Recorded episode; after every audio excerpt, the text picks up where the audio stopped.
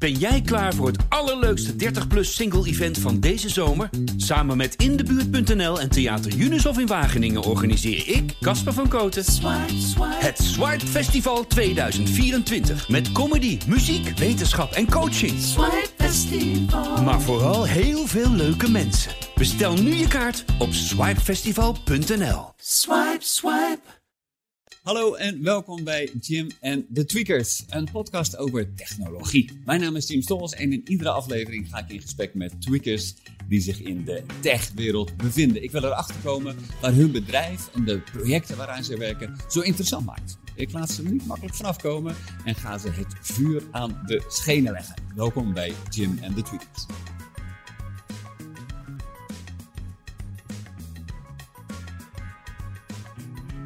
Vergeet de zelfrijdende auto. We gaan het hebben over een autonome boot of autonoom schip. Daar ga ik nog even achter komen. En dat ook nog eens helemaal duurzaam. Um, maar voordat we dat gaan bespreken, ga ik mijn gast introduceren. Zijn naam is Mark Loos en hij werkt bij IBM. Hey Mark. Hey, goedemorgen. Goed je te zien. Ja. Je, uh, welkom op kantoor, kan ik zeggen. Ja, nee, dus, uh, we mochten een dagje buiten spelen in deze tijd. Hè? Heerlijk, ja. Nee, fijn, uh, fijn dat je er bent. We hebben heel veel te bespreken. We gaan het natuurlijk hebben over IBM, over het Think Event, over de cloud, over die fantastische boot.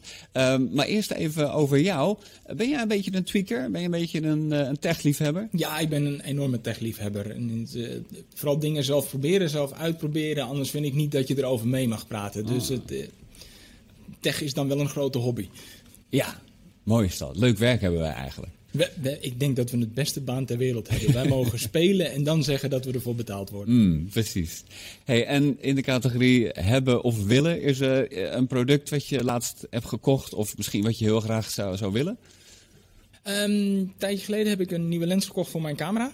Oh, oh ja, ja, want jij bent ook nog eens uh, serieus fotograaf. Hè? Ik ben serieus fotograaf hiernaast. Ja. Um, en dan een, een, een, goede lens kopen betekent dat je weer een aantal dagen in het veld mag zitten om te kijken wat doet hij, hoe doet hij het, ja. waar kan ik hem voor gebruiken. Dus dat is echt wel, dat is dan ook weer tweaken, want deze lens kan ik ook zelf instellen met laptop. Dus...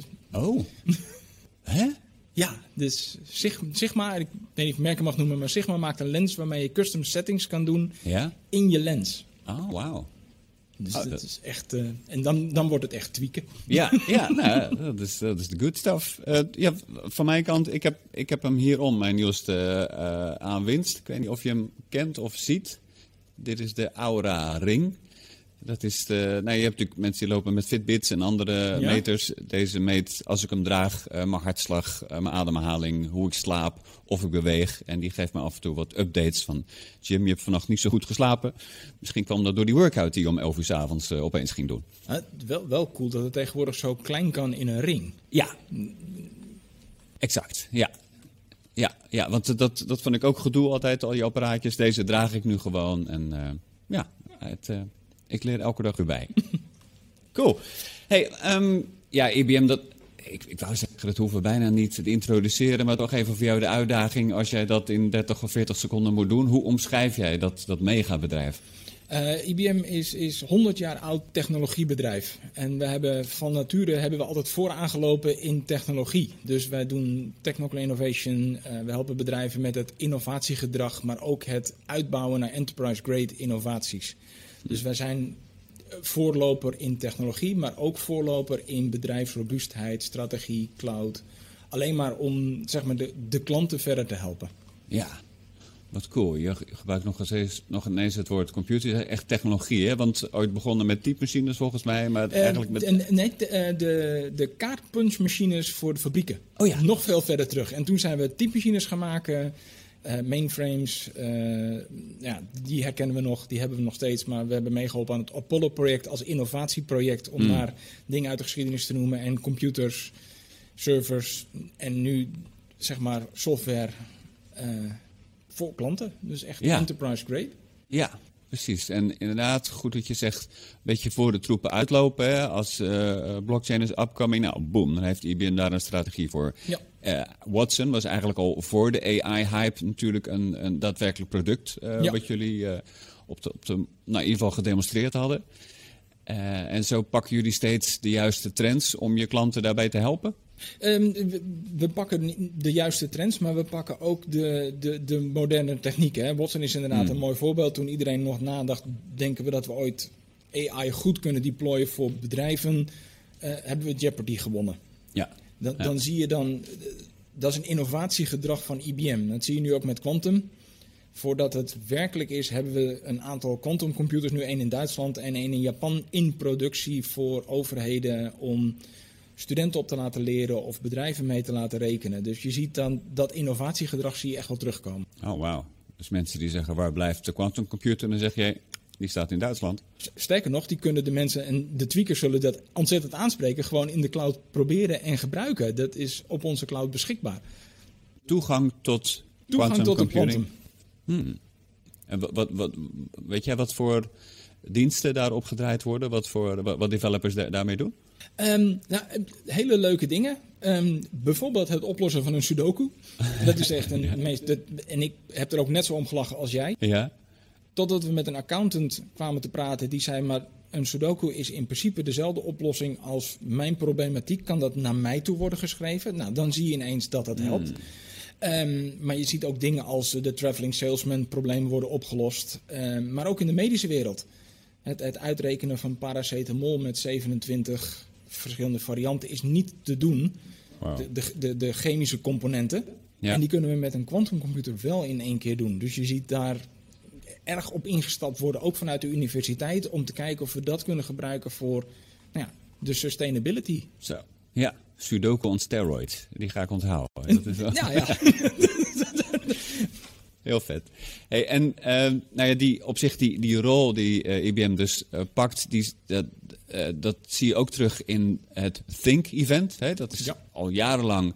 Nou, ik kom zelf bij TED, TED.com. Dat is jaarlijks een evenement waarbij grote mensen op het podium grote ideeën verkondigen. IBM heeft dat ook in de vorm van Think, toch? Dat is ja. En, en TED is dan de, de 12 minuten 18. Of 18. Oh, is het 18? Het 18 minuten. Ja, het voelt als 12. Ja, het, het, verhaal om iets nieuws naar voren te brengen. En dat zie je bij IBM en Think ook. Wij brengen in korte tijd ons, onze nieuwe stappen en nieuwe strategieën naar voren. Um, maar ook in dezelfde voor developers uh, open labs om te proberen of om ergens mee te spelen of om innovatie te drijven. Dus je ziet, het is een heel groot wereldwijd evenement om ja. innovatie te stimuleren en soms niet alleen met onze technologie, maar gewoon mhm. met technologie in het algemeen. Ja, ja. En dat is dus, ja, het is een podcast. Hè. We weten niet wanneer mensen dit, dit luisteren. Maar goed, wij weten dat in oktober van 2021 dat event plaats gaat vinden. Ja. Ik had even op de sprekerslijst gekeken, maar dat is wel smullen. Malcolm Gladwell, ja. bekende, bekende schrijver natuurlijk. Zoals uh, José Fernandez, de, de, de bekende kok. Die komt. Uh, Dario Gale van IBM, die volgens mij ook uh, druk bezig is met Quantum, is het niet? Ja, die is Quantum Ambassador worldwide. Ja, dus ja. Die, en, en zit jij dan in de zaal of kijk jij het vanaf het kantoor? Hoe, hoe, hoe, hoe ga jij dat beleven? Um, ik ga de, de, de, eerste twee dagen beleven vanuit huis. Ja. Ik ga remote inloggen. Um, gewoon omdat dat strategisch even nu handig is, dan kan ik me echt afsluiten en alleen maar volgen. Hmm. Um, de, wat we noemen de Benelux-dagen, dus de novemberdagen, die gaan we waarschijnlijk uh, op een locatie doen.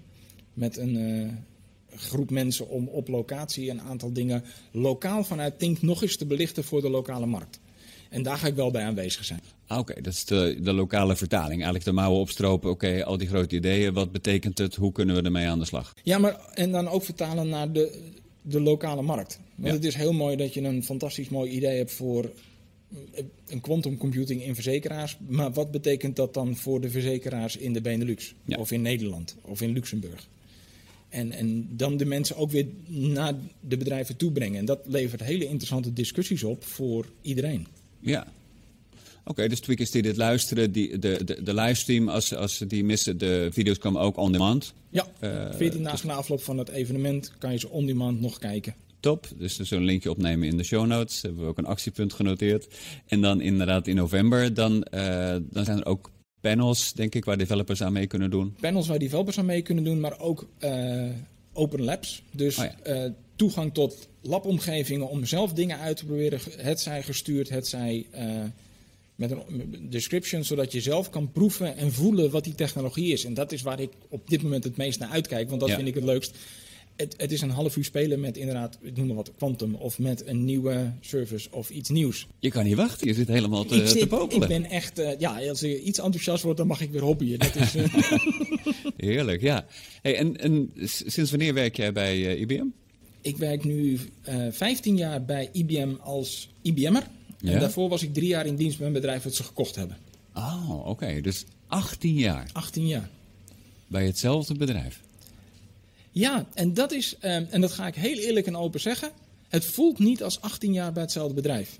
IBM heeft eh, de neiging om zich iedere drie, vier jaar zeg maar, te transformeren intern. Je ziet dat cloud opkomt en dan komt er mogelijkheid om dingen met cloud te doen. Of inderdaad zoiets als quantum. Ja. Dus het voelt niet als 18 jaar op kantoor zitten en quote, quote, wachten tot mijn pensioen. Het is iedere drie, vier jaar is het weer anders. En je hebt de mogelijkheid om andere dingen te doen. Je mag er dingen bij doen. En dat maakt het als bedrijf voor mij heel interessant om 18 jaar te blijven zitten. Nou, ken ik meerdere IBM'ers en die hebben allemaal zo'n lange staat van dienst. Dus ik heb me altijd afgevraagd, zijn die dan die arbeidsvoorwaarden zo goed of is er iets anders? En jij zegt nou, eigenlijk vindt het bedrijf zich om de zoveel tijd opnieuw uit. Dus ik werk elke drie jaar ergens anders, even eh, gechargeerd. Gechargeerd is dat zo. Ja. En, ik, en, en elke drie, vier jaar is er een andere manier van technologie of een andere stap die je kan zetten in je carrière, als je het zo wil noemen, om iets anders moois te doen. Ja. Dus je zit niet, niet vast in ja, wat ik hiervoor wel zat, zal ik eerlijk toegeven. ik- dit is mijn baan, ik word goed, ik word heel goed. En dat was het. Mm. Nu kan ik zeggen, oh, maar ik ben geïnteresseerd in ehm, nou, Red Hat. Dan mag ik met Red Hat dingen gaan doen. Dan kan ik mezelf aanmelden daarvoor. En dan krijg je dat als uitdaging mee. En dan hou je voor mij in ieder geval het bedrijf interessant. Ja, ja. Je noemt Red Hat. Ik, ik, ik las ook, iets over Call for Code. Misschien ook goed om dat nog uit te lichten. Uh, Call for Code is ook zo'n zo'n initiatief ehm, waar ik eh, een warm hart aan toedraag. Dat, dat klinkt ehm, een, een zeg maar open oproep om voor een bepaald eh, probleem, en dan niet een probleem van een bedrijf, maar een sociaal probleem of een cultureel sociaal probleem of een wereldprobleem, code te pushen om een probleem op te lossen. Dus eh, we gaan een applicatie maken om bijvoorbeeld eh, aardbevingen, eh, hulp na aardbevingen of overstromingen beter te doen. Dus logistieke oplossingen. En het is een open source initiatief waarmee we zeg maar, iedereen aanmoedigen om, om mee te doen met die eh, nou, oplossing te maken. Wauw. En dat is een, een initiatief van IBM of iets wat jullie supporten? Call for Code is een initiatief van IBM. Ah, oké. Ja. En dan maak je gebruik ook van het internationale netwerk, dat inderdaad mensen uit, mensen uit verschillende landen elkaars code ook zien en voortbouwen op. Het, het volledig eh, zeg maar het, het open source model. Dus het is eh, mensen uit eh, China kunnen meekijken met de mensen uit Amerika wat ze doen. En dan krijg je dus dat, behalve dat je de code maakt, ook je netwerk wordt uitgebreid met hey, hij heeft dit zo opgelost en daar heb ik dat van geleerd. Dus laat ik eens een andere vraag stellen. En dan zie je een cultuur groeien en dat is wel mooi. Cool. Ja. Nou, dat brengt ons misschien ook wel dan bij die boot eh, die ik in, het, in de intro al een beetje teasde. Ehm, hij heet de Mayflower. Ja. Ik denk dat dat een verwijzing is naar de oorspronkelijke Mayflower, de boot die 400 jaar geleden volgens mij de Ja. Atlantische Oceaan over, overstak. Die zak de Atlantische Oceaan over en dat was de eerste die het deed. Ja, En eh, daar hebben we inderdaad aan gerefereerd. Als eh, eerbetoon heet die Mayflower. ja. Want de, ja, ik, ik, is het nou boot of schip? Ik, ik wil voorkomen dat ik word uitgelachen in de comments. Ja, dat, ja, dan doe ik met je mee. Ik zeg altijd schip. Oké, ja, ja. in het En als het niet schip. schip is, gaan we samen de boot in, zeg maar. Bij deze, ja. Ehm, hij is 15 meter lang. Ja. Dat is ook wel eens leuk om te zeggen. En dan hebben we het over eh, de Mayflower. Eh, kan jij in het kort uitleggen wat er zo bijzonder is? Wat er aan zo bijzonder is aan de Mayflower is dat we een, de- niet wij, we- hij is gemaakt door een, door een derde partij, we hebben meegeholpen, het een volledig autonoom schip is. Hmm. Dus het is een 15 meter lang zeewaardig schip, wat zich van eh, de oversteek gaat wagen over de Atlantische Oceaan, zonder bemanning, Zo. zonder kapitein remote. En dat is het, het- een unieke. Dus het Ja. is niet alleen autonoom varen, maar het is ook autonoom beslissingen nemen. Het is onderweg zelf actie ondernemen als iets misgaat. Volledig zelfsupporting. Dus we hebben niet een boot erachteraan varen eh, met een kapitein die kan ingrijpen. Nee. je, je gooit er een flesje champagne tegenaan en je zegt goede reis. Nou ja, dat. Ja. De, de succes verzekerd. Ehm, nou, het is niet helemaal... eh, we kunnen hem wel terughalen natuurlijk, want het is ook lullig om iets de zee over te sturen als het echt niet gaat. Maar het is een volledig op zichzelf draaiend schip Ja. zonder energievoorziening. Dus er zit een hybride motor in, er Ja. zitten zonnepanelen op, dus hij is compleet self-supporting als hij oversteekt. En dat is ook de uitdaging die we zijn aangegaan, is Ja. om dat zo, nou CO2-neutraal is het een beetje het modewoord, maar zo sustainable mogelijk te doen. En Ja. wat hij ook onderweg gaat doen is, eh, er zitten een aantal sensoren op, zo'n 30. Hij meet ook dingen in de zee en van het zeewater en hij probeert eh, gegevens daarmee te verzamelen. Dus het is niet, we steken de, de oceaan over en dan hebben we dat gehad, maar we, we willen er ook iets mee bewijzen. Ja, de uitdaging is niet het, eh, de oversteek. Het gaat over data verzamelen, over eh, biodiversity, het leven onder water, Ja, climate change, dat, dat soort grote vraagstukken. Toch? Dat soort grote vraagstukken. En natuurlijk, de, als we dan verder kijken naar de oversteek, als we dan gewoon eens een stap verder nemen dan de Mayflower oversteek. Mm. Zo'n schip autonoom een aantal maanden in de grote oceaan meetwerk laten doen, volledig op zichzelf, betekent dat we maanden meetwerk en, en omgevingsgegevens meekrijgen, Ja. zonder dat we daar mensen aan boord hoeven te hebben. Mm. Ja. Ja, ik heb, ik heb er eh, foto's van gezien. Hij is inderdaad 15 meter lang. Het is een soort katamaran, maar dan met drie. eh, Het is een trimaran, ja, dat, trimaran, daardoor, daarom ja. is hij zo stabiel. Hij, hij moet heel stabiel zijn. Ja, Want 15 meter qua lengte is natuurlijk met grote zeegolven een, een klein. Ja, wow. Dan gaat die om. Ja. Dus 3 is heel stabiel. Dus eh, het is. Ja, het is groot. ja. En als je van boven, dan zie je inderdaad eh, die PV-cells, de, de, de solarpanelen. En eh, daaronder stel ik me zo voor dat daar camera's hangen en andere detectie, andere, andere Er sensoren. hangen 30 sensoren eh, aan boord om een eh, aantal dingen te meten. Er, Ja. er is inderdaad een, een soort masje met inderdaad een videocamera die om zich heen kijkt van wat gebeurt er om mij heen. Ja, Eh, want ja, autonoom varen is één, maar als je, je moet wel kijken waar je heen gaat. Dus er is een videocamera om dat te doen. Er is stromingsmeting. Volledig wat je bij een volledig volwaardig zeeschip hebt, Ja. zit aan boord. En wat eh, dit, eh, dit schip meer heeft dan een ander, ander varend voertuig, is natuurlijk hele bakken met technologie. Want ik kan me zo voorstellen dat er wel wat IBM-apparatuur aan boord is om al die sensordata te verwerken. Ja, en, en, en dat is ook meteen de grootste uitdaging van de Mayflower. En dat maakt hem ook technisch zo interessant. Het is een autonoom schip, maar hij moet ook autonoom kunnen functioneren.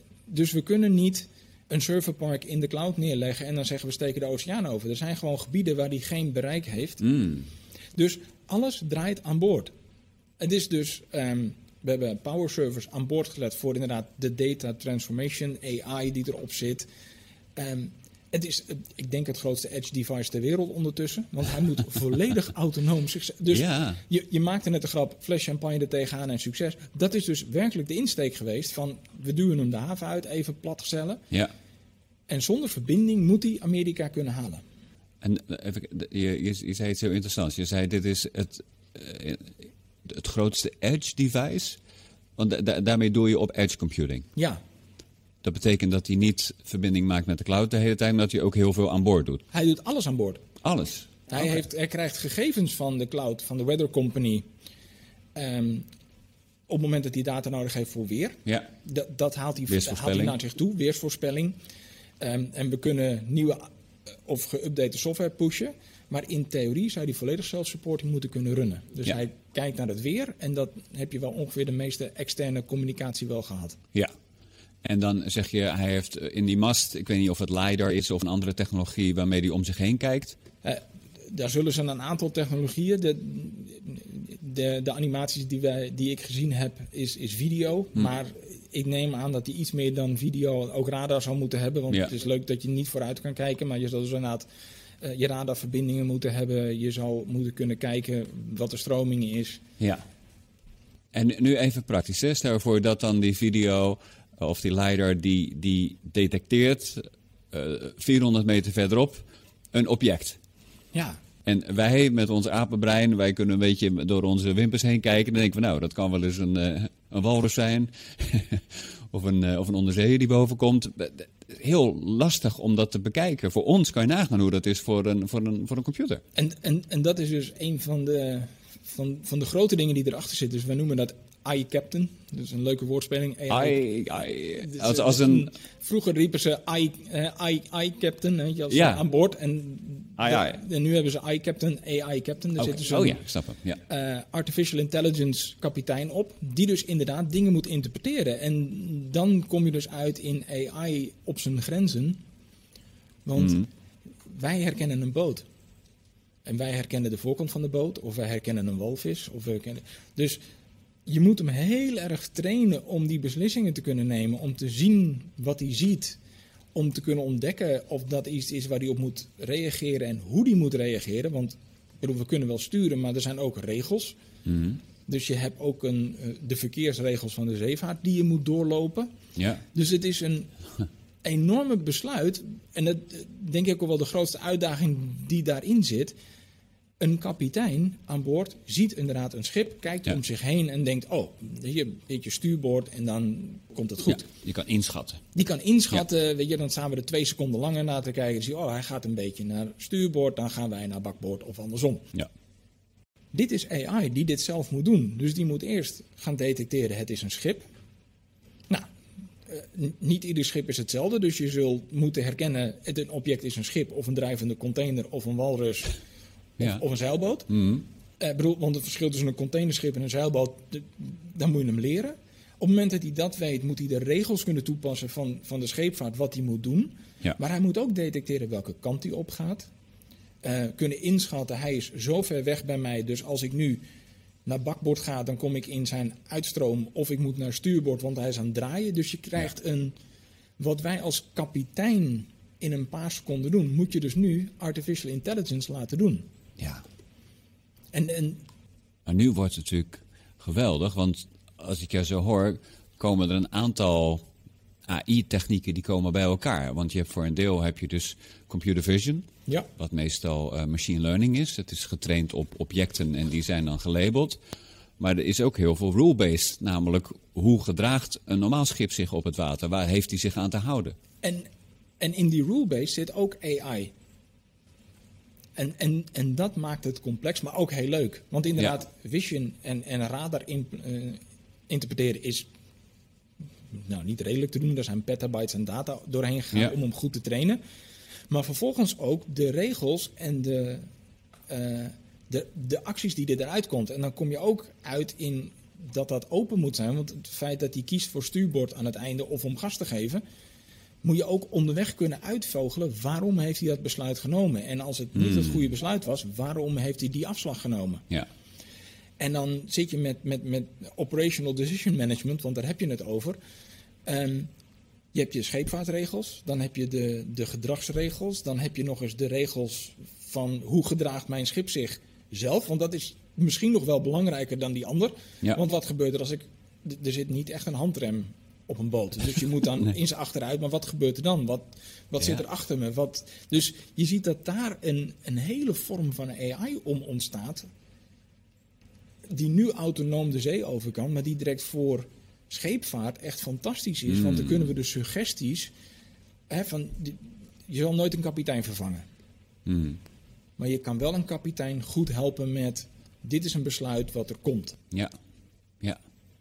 Het is, eh, hoe je het zegt, het is geen draaien van de black box. Het is eh een grote decision tree eigenlijk, waarbij je steeds kan zien waarom een bepaald besluit is genomen of wat de alternatieven waren. En wat de alternatieven waren. En dan krijg je dus de vergelijking met, met een zeewaardig kapitein. Mhm. die diezelfde beslissingstree doet in zijn hoofd in een paar milliseconden en zegt: Ja, maar ik had hier rechtsaf gegaan, hier en hier en niet om. Dan moet je dus Ja. weer terug trainen. Dus je zit die balans zoeken. Dat is, dat is waar de, de interessante technologie hierachter zit. Ja. Heb je ook uh, meegekregen of, of misschien zelfs meegedacht destijds hoe ze dat hebben getraind? Want er zijn natuurlijk heel veel proefvaarten gemaakt uh, voordat je durft aan te kondigen... we gaan de Atlantische, Atlantische Oceaan over. De, de, de, ja, je kan het wel aankondigen inderdaad, maar dan ongefundeerd wordt dat wel een soort... Nee, er zijn heel ja. veel proefvaarten en, en proefopstellingen gemaakt. Um, en je hoeft natuurlijk niet uh, met de Mayflower naar buiten om bijvoorbeeld videotraining te doen. Want je kan de videotraining en de, de radar, de LoRa-training, die kan je ook doen door een willekeurig schip uh, het kanaal over te laten steken. Ja. Of door het kanaal te laten varen. Dat is de drukste vaarroute, dus daar leer je het meest van. Dus je kan hem wel separaat trainen van de, de bouw van de machine. Maar je hebt wel al die trainingstrajecten nodig. En dat is dan ook weer de kracht van AI, want je traint hem met gegevens die je opdoet Ja. om het model toe te passen in de productie die nog gemaakt wordt. Ja. Weet je ook nog of er eh, bloopers zijn of dingen die gewoon hartstikke fout zijn gegaan in het proces? Want dat, dat, dat hoort erbij, hè, door heel veel dingen uit te proberen. Het, de- fail fast is, ehm, is wel degelijk een, eh, een optie. En ja, in sommige gevallen neemt een, eh, een, een AI een besluit. En dan moet je als groot remote, als je erachter zit, eh, dan toch hier en daar wat vragen bij stellen. Hmm. Ik bedoel, het feit dat je een olietanker herkent, dat is prima. Maar het sleepbootje ervoor Oh. had ook fijn geweest. Mhm. Ehm, een van de grappen daarvan is, bij een olietanker zit de, de, de, de, de stuurinrichting achterop het achterschip. brug. Op de brug zit achterop, meestal. Daar waar bij sleepboten en vissersboten zit die voorop. Ja. Met als gevolg dat als je dat tegen AI zegt, die denkt: Steven, achterschip, hij gaat die kant op. En dat is precies de andere kant aan het sleepbootje ging. Dus er zijn geen bloopers dat we hem naar de bodem hebben gejaagd. maar er zijn wel hele angstaanjagende momenten geweest in de training. Dat je denkt: hm, Ja. misschien moeten we nog even wat meer trainen op dit. Of wat meer me- trainen op dat. Wat is uitdagender? Een Mayflower de Atlantische Oceaan oversteken, of over laten steken, of een, eh, een, een Tesla door de, door de staat Nevada laten rijden? Ehm, een Tesla door de straat van Nevada laten rijden is een redelijk 2D-probleem. Hmm. Dat is namelijk, je hebt de weg, je hebt de locatie waarop je zit en in hetzelfde vlak vinden de problemen plaats. Eh, een oceaan heeft als onhebbelijke neiging dat hij af en toe deint. En Ja. dan zie je dus dat Ah. golven 3D-effecten. Dus je ziet een schip wel, dan weer niet, dan weer wel. En dan zit er ineens verschil in in de afstand. Dus, je, dus uitdagender is de Mayflower in dat object, is dat het zicht niet altijd stabiel is. En dus je eigenlijk AI moet toepassen in een 3D-omgeving Ja. groter dan een Tesla. En de oceaan heeft nog iets, is onberekenbaar. Een, een stratenplan is redelijk nauwkeurig. Ja, Je weet wanneer de stoep begint en je weet wanneer de afslagen zijn. vooraf gegeven. Ja. Eh, op de oceaan eh, doen mensen de meest rare dingen. Dat klinkt een beetje raar, maar grote vaart zie je, maar ronddrijvende containers, eh, scheepstukken die afslaan, bomen, walvissen waar je niet op kan rekenen. En geloof me, die kom je af en toe tegen. ja. En die ineens voor AI paniek kunnen veroorzaken. Want al heb je een platte oceaan voor je, als zo'n walvis zijn staart omhoog gooit, is daar ineens een schip wat hij niet herkent. Ja. En dan legt hij hem weg. Ja. Dan komt de conclusie, het is weg. Dan doet hij het misschien nog een keer. Hoe, hoe ga je daarmee om? Dus alles wat een oceaan op je afstuurt. eh, de, de ori- originele bouwer van de Mayflower heeft het ooit gezegd. There is no ship strong enough to hold what the ocean will throw at you. En ik denk dat dat ook wel waar is. Van, het is onberekenbaar. Ja. En de straten in Nevada zijn berekenbaar. Ja, ja, wat goed zeg. Ja, het is een fascinerend eh, probleem om op deze manier op te lossen. Wat denk je wat hij doet als hij piraten tegenkomt? Of andersom, wat denk je dat een piraat zegt van dit schip?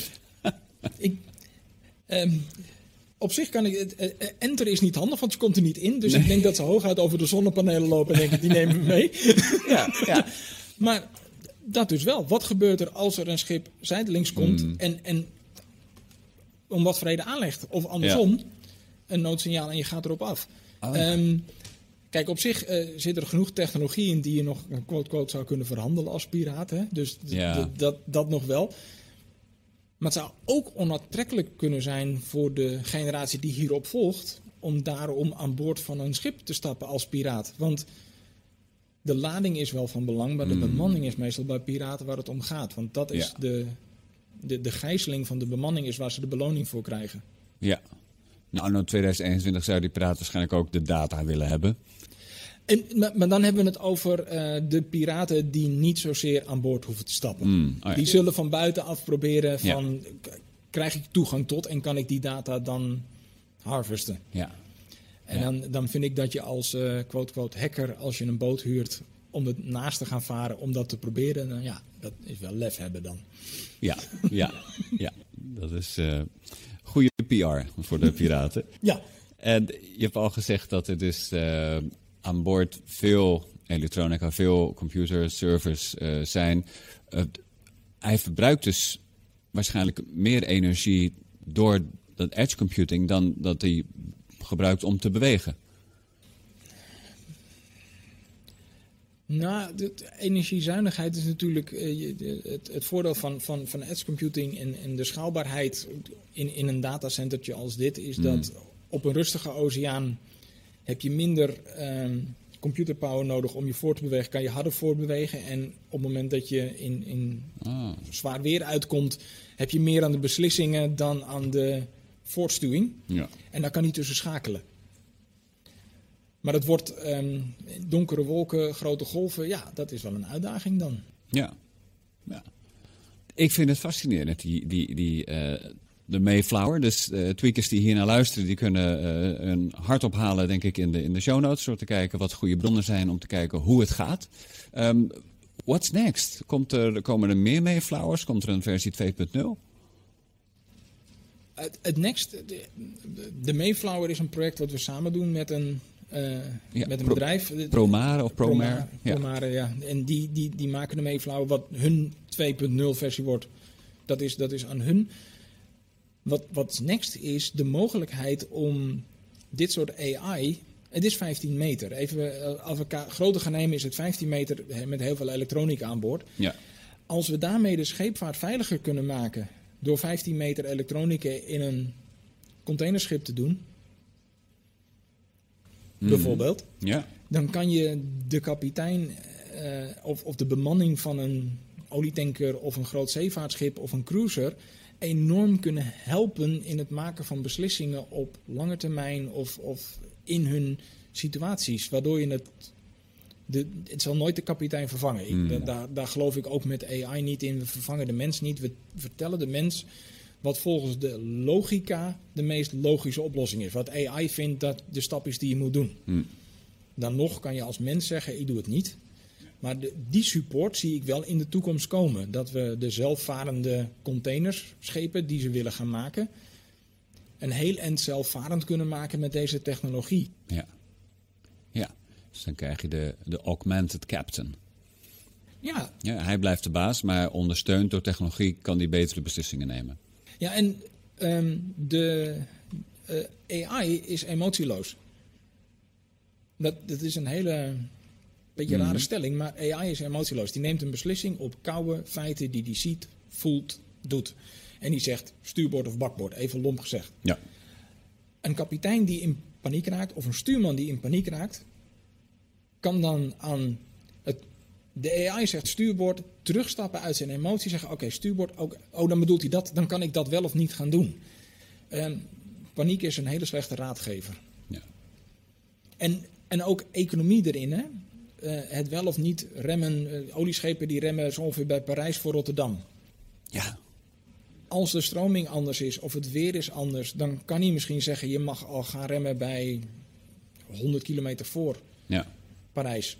Dat scheelt brandstof, dat scheelt CO2-uitstoot, dat scheelt. Dus je kan veel nauwkeuriger je reis gaan plannen op basis van wat AI je dan uit lering van de Mayflower gaat bieden. Ja. Heel cool. Nogmaals, we zullen links opnemen in de, Ja. in- bij de post, eh, zodat mensen meer over deze boot kunnen vinden. We parkeren de boot nu even, of eh, we laten hem even drijven. Ik wil even naar LinkedIn, Mark, want ik had natuurlijk in de, de dagen hiervoor, ben ik jou nauwlettend gaan volgen, zag ik echt een hele leuke post van jou over je buitenkeuken. En die moet je even uitleggen. Waar ging dat over? Dat is, eh, ehm, waar ging het over? Ik, ben, ik heb een buitenkeuken gebouwd voor mijn barbecue. Ja. Dat, dat is de, de- als je op Pin- Pinterest kijkt, is dat helemaal hip en happening. Dus op een bepaald moment wil ik ook. Nou, dan gaan we dat doen. Dus ik heb eh, een buitenkeuken opgezocht en die van, nou, deze ga ik bouwen. En dan ga je de architectuur opzetten. Dus je, je, je downloadt de bouwtekeningen van iemand. En dan blijkt dat nooit helemaal te passen in mijn tuin. Dus dan moet je dingetjes aanpassen. En dan ga je dingen aanpassen. En, nou, die heb ik helemaal zelf opgebouwd. En daar was ik ook heel trots op. Van dit kan ik zelf. Als developer van de familie. Ja. Laten we elkaar geen mietje noemen. Ik ben, de, ik ben de hobbyist van de familie. Ja, ja. En mijn vrouw is altijd wat we noemen de CFO. Ja. En die Oh, komt de altijd opzichter, met, dacht ik, Met, ja. met, met opzichten van, joh, wat gaat het kosten? Eh Do-it-yourself is altijd goedkoper dan een bouwpakket. Mhm. Dat is heel simpel. Alleen het eindresultaat was dat toen de keuken af was, was ze heel trots op het feit dat ik de keuken had gemaakt. En het zag er heel mooi uit. En toen zei ze, nou weet je, met het geld wat we bespaard hebben, kopen we een andere barbecue. Oké. Hoe leuk is dat als man? Ja, precies. Die Premium. paste alleen niet in de open keuken die ik had gemaakt. Oh, En toen moest ik opnieuw beginnen. do it yourself again. En toen ging bij mij het lampje aan van, oké, dit, is, dit is het verschil wat je, een, een pre-built package die je koopt, dus een opinionated stack die je koopt, of een, ik ga het in elkaar hobbyen. Dit is het verschil tussen een, een pakket als OpenShift, waar heel veel in zit. Een, een, weet je, een bouwpakket die zich aanpast aan de grootte en de, ten opzichte van, ik ga het helemaal zelf doen met Kubernetes en dan alle applicaties erbij en uitvogelen. Van, toen zag ik heel goed voor mezelf dat verschil. En dat heb ik inderdaad in die post in ongeveer vijf minuten proberen uit te leggen. Van, weet je, het- als doe-het-zelver, als, als hobbyist en als techneut is het fantastisch om in elkaar te knutselen. Maar is het ook onderhoudbaar op de lange termijn? En dat is wat ik in het artikel wat erna kwam heb proberen te omschrijven. Van, dat is die economische beslissing versus de technologie in mij. Van oké, weet je, die buitenkeuken, hoe moeilijk kan het zijn? Een paar planken, een zaagmachine en we gaan. Ja, ja. dus de, de, er zat een moraal in dit verhaal. En eigenlijk heb jij gezegd, die buitenkeuken, dat is een IT-project. En inderdaad, je kan prima daar eh, voor een groot deel lekker do-it-yourselfen. Maar er is altijd een economische realiteit waar je rekening mee moet houden. Ja, en, en, en, en plain Kubernetes is natuurlijk fantastisch. Ja, Het is makkelijk, het is snel, het is simpel op te zetten. Je kan met, met heel weinig componenten iets, iets goeds bouwen, waardoor je als ontwikkelaar heel snel verder kan. Maar zodra je gaat naar, naar operations, komt ineens security de hoek om en dan moeten ze het onderhouden. En dan blijkt dat je 15 of 20 open source pakketjes hebt gebruikt om dat, zeg maar, dat bolletje te maken. Maar die hebben allemaal een eigen lifecycle. En iedere keer als er eentje wordt vernieuwd, dan blijkt dat je andere ook moet vernieuwen. Dus de onderhoudbaarheid aan het einde is het probleem. Niet aan het begin. Want de eerste keer in elkaar knutselen, dat, dat kunnen we. De tweede Ja. keer lukte me ook met mijn buitenkeuken. En dat lukt ook nog wel. En de derde keer misschien ook nog wel. ja. Maar het is geen model wat je als bedrijf goed kan onderhouden. En ook niet iets waar je in wil zitten. Dat klinkt een beetje gek. Ik wil als ontwikkelaar wil ik mijn software kunnen maken. En niet het platform wat eronder ligt in de lucht houden. Ja. Nou ja, misschien kunnen we wat dat betreft ook eh, lift en shift kunnen we nu wat meer over eh, de cloud eh, praten. Want daar kan ik me ook voorstellen dat vanuit een CFO-oogpunt of vanuit operations dat het heel fijn is als er gewoon één partij is bij wie we al onze clouddiensten afnemen. Het lekker overzichtelijk, één factuur. Ik chargeer wederom, wederom. Maar in de praktijk is natuurlijk hartstikke messy. Hè? De, de, de, gedeelte werkt met Salesforce, een gedeelte wil op Azure, dan ook nog een stuk IBM natuurlijk. In de praktijk, eh, die keuken die loopt de hand uit of eh, loopt de cloud uit. Ja, en dan, dan, dan, dan zie je altijd, we hebben een single cloud policy. Wij gaan met eh, één cloud provider gaan we alles doen. Ja. En dan benoemen ze de rest tot shadow IT. Oh, ja. Ja, dan, dan hebben ze namelijk de definitie, we hebben één ding, maar we hebben er eigenlijk meer. ja. Ehm, de- de- En, en dat, is, dat is fout, want je, je, je zou kunnen zeggen, nou, we hebben eh, Microsoft tenzij, dat is onze policy. ja, of, of, of inderdaad, we gaan alleen maar de dingen gebruiken van de providers. Je noemt Microsoft, waar, waar Microsoft heel goed in is, of IBM heel goed in is, of Ja. AWS heel goed in is. En die wil ik eigenlijk combineren. Maar dan zit je dus aan een multi-cloud strategie vast. En een van de grootste onhandigheden wil ik het nooit noemen, want het is altijd maar een van de grootste dingen waar je moet letten als bedrijf, is Ja. wat ik noem een unconscious lock-in. Dus ik neem bij Microsoft dingen af die Microsoft specifiek zijn. Ja. Dat snap ik, want dat is Microsoft technologie en die heb ik nodig. Ja. Maar op het moment dat ik daar ook databases afneem of andere servers die specifiek zijn, maar die niet specifiek hoeven te zijn voor mijn applicatie, creëer ik een onbewuste lock-in in die provider. Unconscious lock-in, want... Een, een conscious lock-in Ja. is, ik, ik, ik weet dat ik moet betalen bij, ik noem maar even IBM dan als voorbeeld, want daar kom Ja. ik vandaan. Ik moet betalen voor MQ, punt. Ja. Nou, dat is een bewuste lock-in, we hebben MQ nodig, punt. Maar mijn applicatie hoeft dan niet, als single cloud policy zou die daar moeten draaien, Hm. maar die moet geen verwantschap hebben met het platform eronder. Want op het moment dat je wil wijzigen, of je moet wijzigen, dan zit je vast. En dat Ja. noemen ze een unconscious lock-in. Ja. Dus je, ik roep ook altijd tegen bedrijven: je moet je strategie als applicatie ontkoppelen van de infrastructuur. En dat kan je al doen in je eigen datacenter. Want dan kan je naar een willekeurige cloud provider naar keuze. Of je kan wijzigen. Dus hoe raar het ook klinkt, he- heb een multi-cloud strategie. En dan kan je een single cloud policy toepassen. Hmm. Mooi, ja. Multi-cloud strategy, single cloud policy. Ja, Ja. En jij zegt die lock-in, die wordt dus eh, veroorzaakt niet zozeer door de, de applicatie of de intelligentie, maar de data is uiteindelijk eh, waarom je vastzit. De, de, de data, het, eh, nou, de hint voor de volgende podcast die eraan doet, de gravity of data. Data bepaalt waar we onze services laten landen. Want data wordt op een bepaald moment zo groot dat het verplaatsen oneconomisch wordt. Niet onmogelijk, maar oneconomisch, omdat eruit halen eh, nou, alle kosten. Ja. Dus wat we gaan doen is de services naast de data leggen, want dan is het economisch de goedkoopste besluit. Dus data is het anker van de applicaties. Hmm. Dan kan je de applicatie wel verplaatsen naar een andere cloud provider. Maar als je data niet mee kan, dan zit er een enorm anker aan die applicatie. Dus dan wordt het economisch besluit om dat te doen anders. Daarom zie je data virtualisatie zo'n vlucht nemen. Dat mensen stukken uit hun data lake snijden en die verplaatsen met de applicatie. Want dan kunnen ze die applicatie weer gaan verplaatsen. Wat mooi dat je in de wereld van de, de zeevaart blijft met je anker. je hebt dus eigenlijk een heel wendbaar schip, zeg jij. La la la la la. Maar intussen, Ja. onder het water, lig je gewoon vast met een mega-anker Ja, da- en dat, van datapunten. En, en dat zou. Ja. een- kijk, de Hello World applicatie noem ik altijd. En, en de, eh, het, het, het smoelenboek van, de, van de, het bedrijf. En eh, weet je, de quote, quote, dit is de koffie die ik wil applicatie. Hebben geen long-time data connectie. Mm. Ja, die kan je verplaatsen. Ja, Maar zodra je een verankering hebt in je eigen interne datasystemen. Waar je proprietary data staat of je company capital. Zoals dat altijd zo heel netjes heet. Eigenlijk gewoon alles wat je nodig hebt om je functionaliteit te kunnen doen. Dan wordt dat een anker, want die kan je best in de cloud neerzetten. ja. Maar als dan blijkt dat je petabytes van data gaat overgooien voor het overgooien, dan wordt dat een kostenpost. En het is een kostenpost die heel vaak niet gezien wordt, omdat in het datacenter datatraffic vrij is. Dan maakt het niet uit dat er 100k of 20 megabit heen en weer geslingerd wordt voor een beslissing. Het maakt wel uit op het moment dat je die, die kosten krijgt als je naar een cloud provider gaat of naar een andere cloud provider onderling dan ineens worden dat pijnlijke kosten als die groot worden.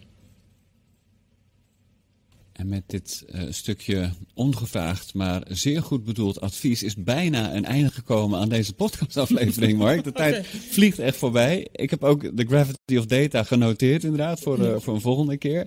Maar eh, misschien wil, wil jij onze tweakers ook nog wat bronnen meegeven, wat tips eh, wat jou inspireert of iets wat zij in de gaten kunnen houden. Is er een serie of een boek wat jij recent nog hebt gezien of hebt gelezen? Ehm, nou, het, het laatste boek wat ik heb gelezen, en dat denk ik dat alle tweakers kennen, is The Phoenix Project. Mm.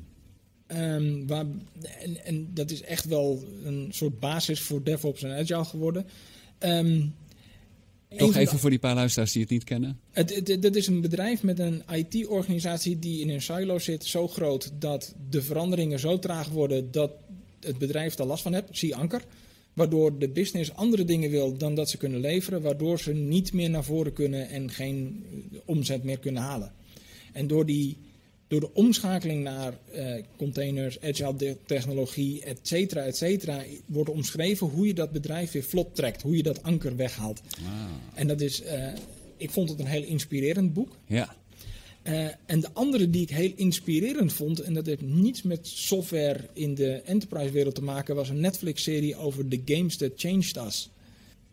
The Games That Changed Die heb ik nog niet gezien. Ik ga ook even meeschrijven. Um, Waar gaat dat over? Dat gaat over alle grote spellen vanaf zeg maar de Atari, dat is ongeveer de generatie waar ik uitkom, zeg maar spelcomputer. Ja, ik ken hem. tot hoe die zijn ontwikkeld, maar ja. ook wat voor impact die hebben gehad op andere dingen. En dan zie je dus hoe die hele software-industrie is opgebouwd rond, rond gaming. Maar dus ook als er één industrie is waar ze geen bugs willen, is het gaming. Ja. Ik bedoel, wij kunnen een patch uitbrengen op het moment dat je op je PlayStation 4 een DVD uitstuurt, dan moet die redelijk goed zijn, want anders dan gaat dat mis. Ja. En daarin zie je die cultuur ontstaan. En, en echt de nerds die daarin zitten, die dus inderdaad regels negeren. Ja. Uh, dingen, gewoon we gaan dit in twee weken doen of vier weken. Vond ik best wel inspirerend. Van ja, kleur maar eens buiten de lijntjes. Ja. is veel meer ruimte. Veel meer ruimte, zeker. Wauw. Mark, dank je nogmaals dat je de tijd hebt gemaakt om met ons je enthousiasme en ook je ideeën te delen. Um, Tweakers, hou dat in de gaten. IBM Think Event, google het even. We zullen ook wat links opnemen. Als je het niet live kijkt, kan je dus on demand kijken. Of misschien meepraten met de ronde tafels. Of zelfs jezelf opgegeven voor de Call for Code sessies. Uh, hiermee zijn einde gekomen aan de podcastaflevering van Jim en de Tweakers. Hou de show notes in de gaten. En natuurlijk op zoek naar de volgende aflevering. Bedankt!